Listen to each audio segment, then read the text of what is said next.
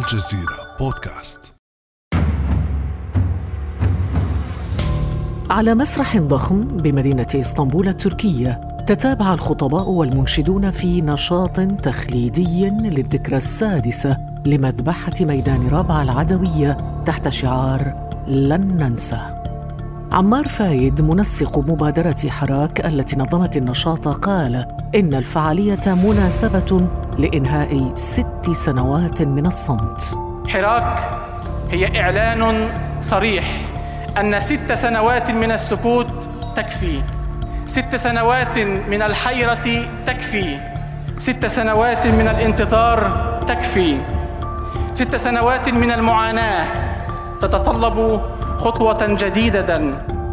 ذكر المتحدثون من جماعة الإخوان المسلمين بالمذبحة ودعوا إلى ملاحقة مرتكبيها ومواصلة النضال ضد الانقلاب الذي أطاح بالرئيس الراحل محمد مرسي المنتمي لجماعة الإخوان المسلمين وهو أول رئيس مصري منتخب. في الذكرى السابعة للمذبحة التي تحل هذه الأيام نتساءل نحن في بعد أمس ما موقع جماعة الإخوان المسلمين من المشهد الحالي في مصر؟ وما الأولويات التي يتوجب على الجماعة العمل عليها؟ بعد أمس من الجزيرة بودكاست أنا خديجة بن جنة.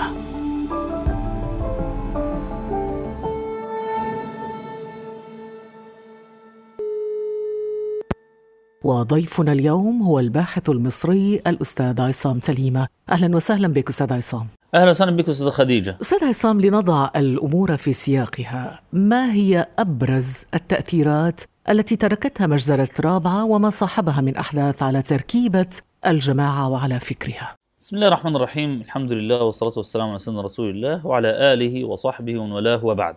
في الحقيقة إن يعني مجزره رابعة أو ما أستطيع أن أسميه هولوكوست رابعة أحدث تاثيرا كبيرا سواء على صفوف الإخوان المسلمين أو على صفوف الثورة وعلى الحراك الربيع العربي بوجه عام لأن إذا نظرنا إلى التداعيات التي حدثت بعد الانقلاب في مصر وأثار ذلك أنا كنت ألتقي بكثير من المهجرين من بلاد أخرى مثل الروهينجا ومثل تركستان الشرقية. فوجئت أن كثيرا منهم عزى معظم الإجراءات التي تمت في بلادهم إلى الانقلاب في مصر.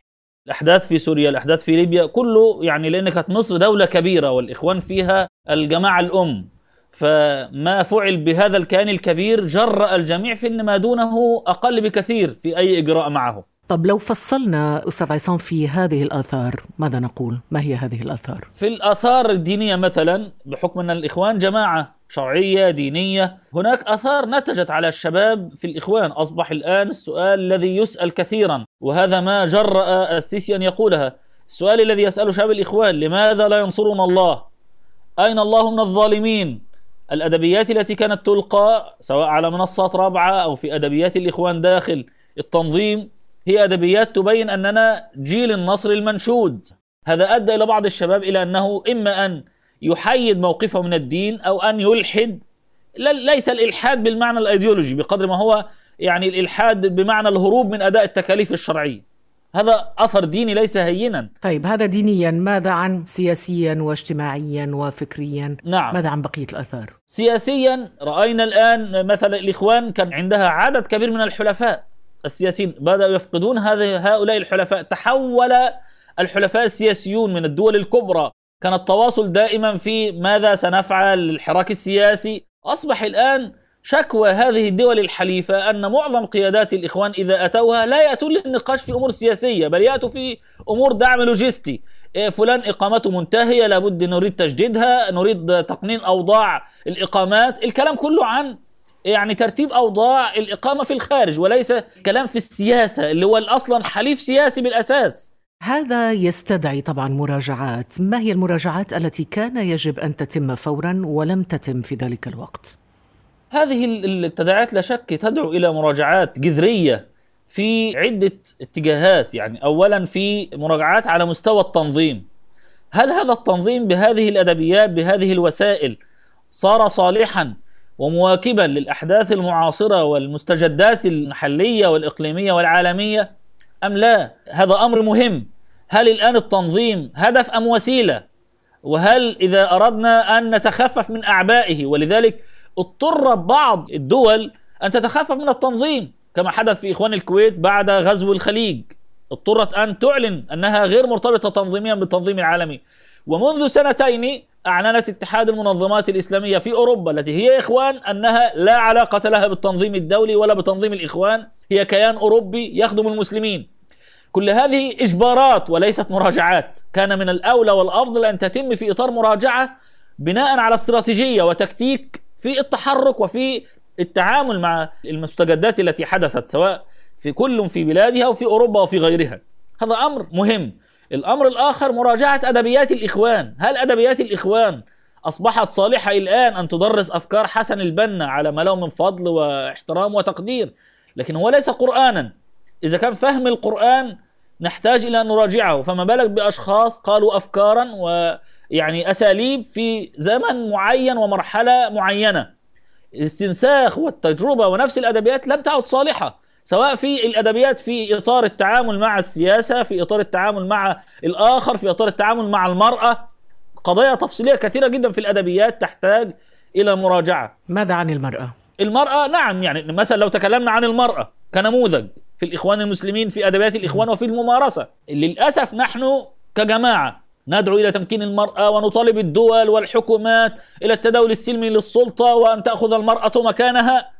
وتجارب الإخوان أقولها عن شاهد عيان مع المرأة عكس ما ينادي به الإخوان 180 درجة. أنا شاهد على تجربة ضغطنا وبإصرار وإلحاح في تركيا في 2014 في وضع لائحة تمكن المرأة. وأن لابد مجلس شورى الإخوان يكون فيه خمس نساء على الأقل وشابات ويكون في المكتب التنفيذي امرأة على الأقل. فوجئنا بعدها بأنهم ألغوا اللائحة والنساء التي دافعنا عنهن أول من دافع عن قرار الجماعة بإقصائهن هذه كانت صدمات الكبرى يعني. يعني المرأة عدوة المرأة يعني لأنها لم تتربى على أن يكون لها كيان وقالت إحداهن ويا دكتورة قالت هذه منحة من إخواننا وقد سحبوها فجزاهم الله خيرا طيب كل هذه المراجعات التي تحدثت عنها لماذا لم تتم؟ لماذا لم تتم؟ لأنه لا توجد آه، مأسسة تدعو الناس إلى المراجعة المؤسسية إنما المسألة تدور بالعلاقة الأبوية في الإدارة والتعامل مع الناس. وإذا طلبت مراجعة وقلت علينا ان نراجع يريد البعض الهروب من المراجعة لأنه يعلم خاصة من يديرون الآن التنظيم يعلم أنه يدير بشيء استثنائي وهو ليس القيادة المأمولة والمنشودة. ثم إذا تمت مراجعات سيتحدث الناس عن أخطاء عن أناس أعلى مقاما في التنظيم من الموجود الآن.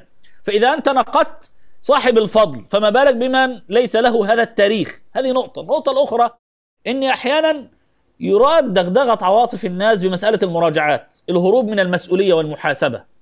بمعنى لأني يقول لك من نحاسب؟ من نراجع؟ الشهداء أم المساجين؟ من قال لك أننا نريد مراجعة السجناء ولا المساجين وحتى لو السجناء والمساجين القرآن الكريم نزلت الآيات منه في سورة آل عمران والصحابة في أحد شهداء ومنهم الحمزة رضي الله عنه وفيهم رسول الله صلى الله عليه وسلم. أولما أصابتكم مصيبة قد أصبتم مثليها. قلتم أن هذا تساءل الصحابة لماذا هزمنا؟ ومعنا رسول الله صلى الله عليه وسلم ونحن نحفظ القرآن ونصلي ونتعبد. قال تعالى قل هو من عند أنفسكم. هذا مبدأ آدم حينما نتبناه. ربنا ظلمنا أنفسنا. تبدأ في من المراجعة والاعتراف بخطأ النفس ثم البحث عن العلاج. أما مبدأ إبليس إلقاء التبع على الآخر المخططات الجهنمية التآمر الدولي إبليس ألقى بالتبع في خطأ على الله قال رب بما أغويتني أنا بريء ربنا اللي اغواني والعياذ بالله.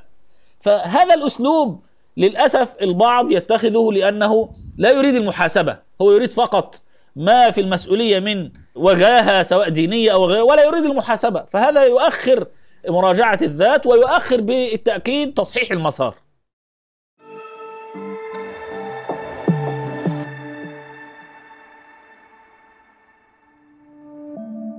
ابدأ بالاستماع الآن ولا تنسى تفعيل زر الاشتراك الموجود في تطبيقك لتصلك حلقاتنا اليومية فور صدورها. ابقى على تواصل مستمر مع الجزيرة بودكاست عبر صفحاتنا على فيسبوك، تويتر وإنستغرام.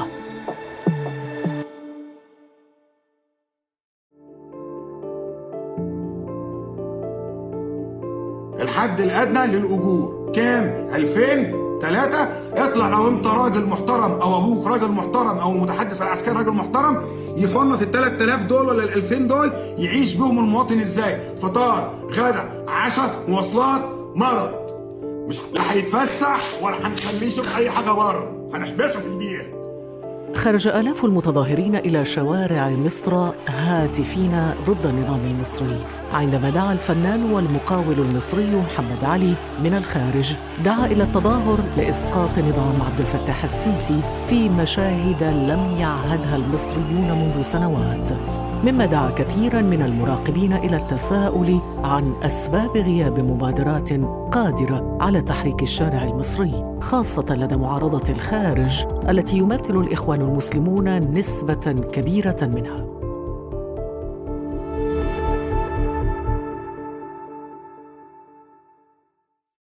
أستاذ عصام تليمة إذا هناك عشرات بل مئات من القيادات من جماعة الإخوان المسلمين في الخارج ما تقييمك أنت لقدرة هذه القيادات على صياغة مبادرة سياسية مؤثرة فعلا؟ يعني لا شك أن الإخوان لا يزال لديها القدرة على فعل شيء. ولكن قبل أن تستطيع القيادات أن تفعل شيئا بخصوص الأمر السياسي لم يعد الآن في قدرة الإخوان بالخارج فعل شيء سياسي مؤثر داخل مصر. قولا واحدا بلا أن يغضب أحد.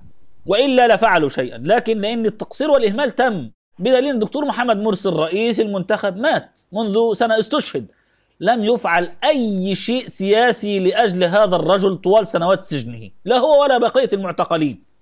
فمن لم يفعل شيئا للمعتقل في الملف الحقوقي الذي يستطيع أن يتحرك فيه خارجيا لن يفعل شيئا في الملف السياسي اللي هو داخلي. ما يمكن جماعة الإخوان الآن والملف الوحيد الذي يملكون أن يفعلوا فيه شيئا هو ملف المصالحة الداخلية داخل الإخوان ولملمة شمل أطراف الجماعة التي تمزقت وتشرذمت. إذا نجحوا في هذا ربما هذا يدعوهم إلى حالة نجاح أخرى في إجراء أي حراك سياسي مع الفصائل والمكونات الأخرى للنسيج المعارضة أو الثورة المصرية. لكن لملمة الشمل للإخوان أيضا مرتبط بمدى تأثير الإخوان الآن في الداخل المصري. هل ما زال لديهم تأثير؟ لديهم يعني آه، قدرة على إحداث شيء من التأثير لكن يعني هم الآن الناس كامنة.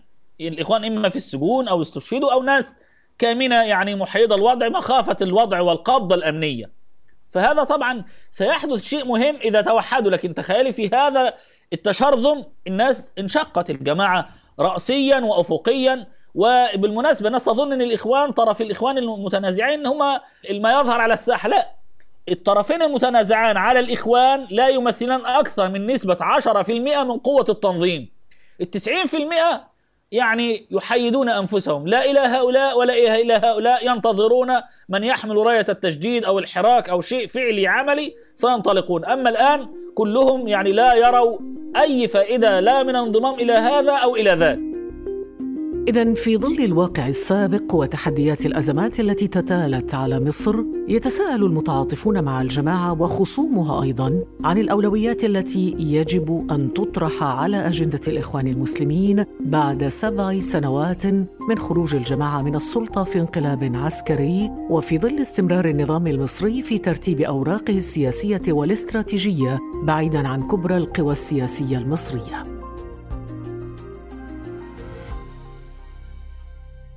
أستاذ عصام تليمة ما الخطاب السياسي الذي تقترح على الجماعة أن تتبناه من أجل المستقبل؟ يعني الخطاب الذي ننصح به في هذه الحالة أن تتبناه الإخوان هو خطاب عليه أن ينبني على النظر إلى قدراتها وإمكاناتها يعني أنت تتحدث عن التنظيم الدولي للإخوان المسلمين ما وجوده لا قيمة له لا وجود له وكتب الشيخ محمد أحمد الراشد إني حضر آخر جلسة معظم الحضور فيه كبار في السن نصفهم نائم وربع الآخر مريض والبعض الآخر يعني لا يركز فيما يناقش. يعني إذا أنت تتحمل تدفع ضريبة كيان ليس له أثر. تنظيم دولي يعني معناه يتحرك دوليا لإنهاء الانقلاب ولمساعدتك. يعني خلي شيء عندك اعمل تنظيم دولي بس يبقى في تنظيم دولي.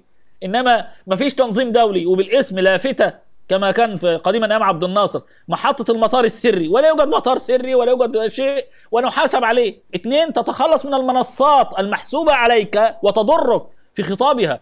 ماذا تقصد بالمنصات أستاذ عصام؟ يعني أقصد بالمنصات حينما أجد صفحات لأشخاص أصبح لهم وجود في السوشيال ميديا ويقولون أفكارا تتعارض مع ثوابت الإخوان ومع العقل الإخواني الراشد. بكل صراحة مثل هذه الأصوات تدعو إلى قتل العسكر وإلى قتل الاقباط وإلى كذا وهؤلاء يكون من منصات يعني معترف بها في الإخوان هؤلاء أفراد فيها. ويظل الإخوان صمتون وننصح يعني اعلنوا عن تخليكم عن هؤلاء اعلنوا أن هؤلاء ليسوا منكم فيصمتون فين إلى أن تخرب مالطا قبل قليل أوصيت ب أو يعني ذكرت بعض النصائح والتوصيات منها التخلص من كيان اسمه تنظيم الدولة للإخوان المسلمين، التخلص من منصات إعلامية أو منصات إعلامية تتحدث باسم الإخوان ثم ماذا؟ إجراء مراجعات لابد من إجراء مراجعات فكرية داخل الإخوان تحسم في قضايا سياسية في العلاقة بالأقباط النظام السياسي الذي تريد أن تدعو إليه قضية المواطنة دي قضايا مهمة المراجعة فيها. لأن الآن الإخوان بعد ما قطعت شوطا كبيرا قبل ثورة يناير في أفكار مهمة تجديدية الآن تقهقرت آراء الإخوان. النهارده بتجد بين شباب الإخوان من يناقشك في حرمة الغناء اللي الشيخ القرضاوي والشيخ الغزالي من خمسين سنة حسموا المعركة داخل الإخوان وخارجها.